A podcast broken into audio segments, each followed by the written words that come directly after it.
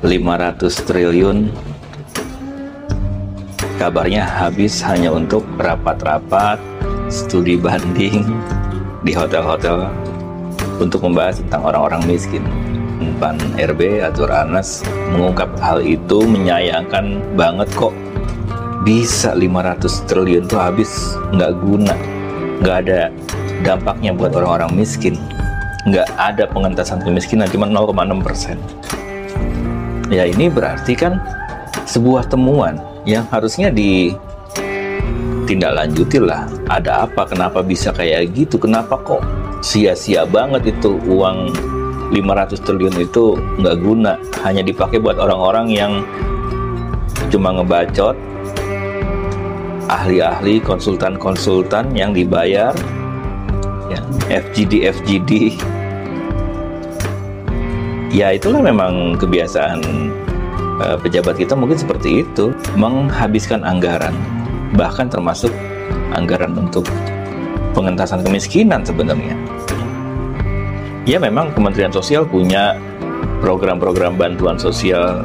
Ya tapi tidak sebanding mungkin dengan yang untuk orang-orang kayanya, untuk pejabat-pejabatnya, konsultan-konsultannya. Lebih besar ketimbang orang-orang miskin. Nah, ini juga berarti sebuah kegagalan pemerintahan kita ya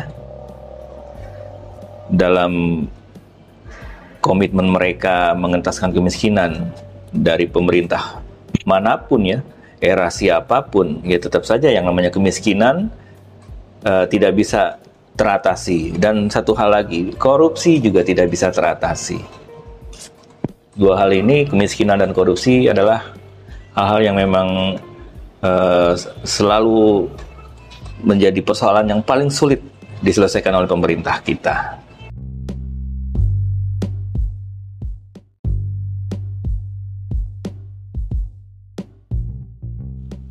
Terima kasih sudah mendengarkan podcast MT.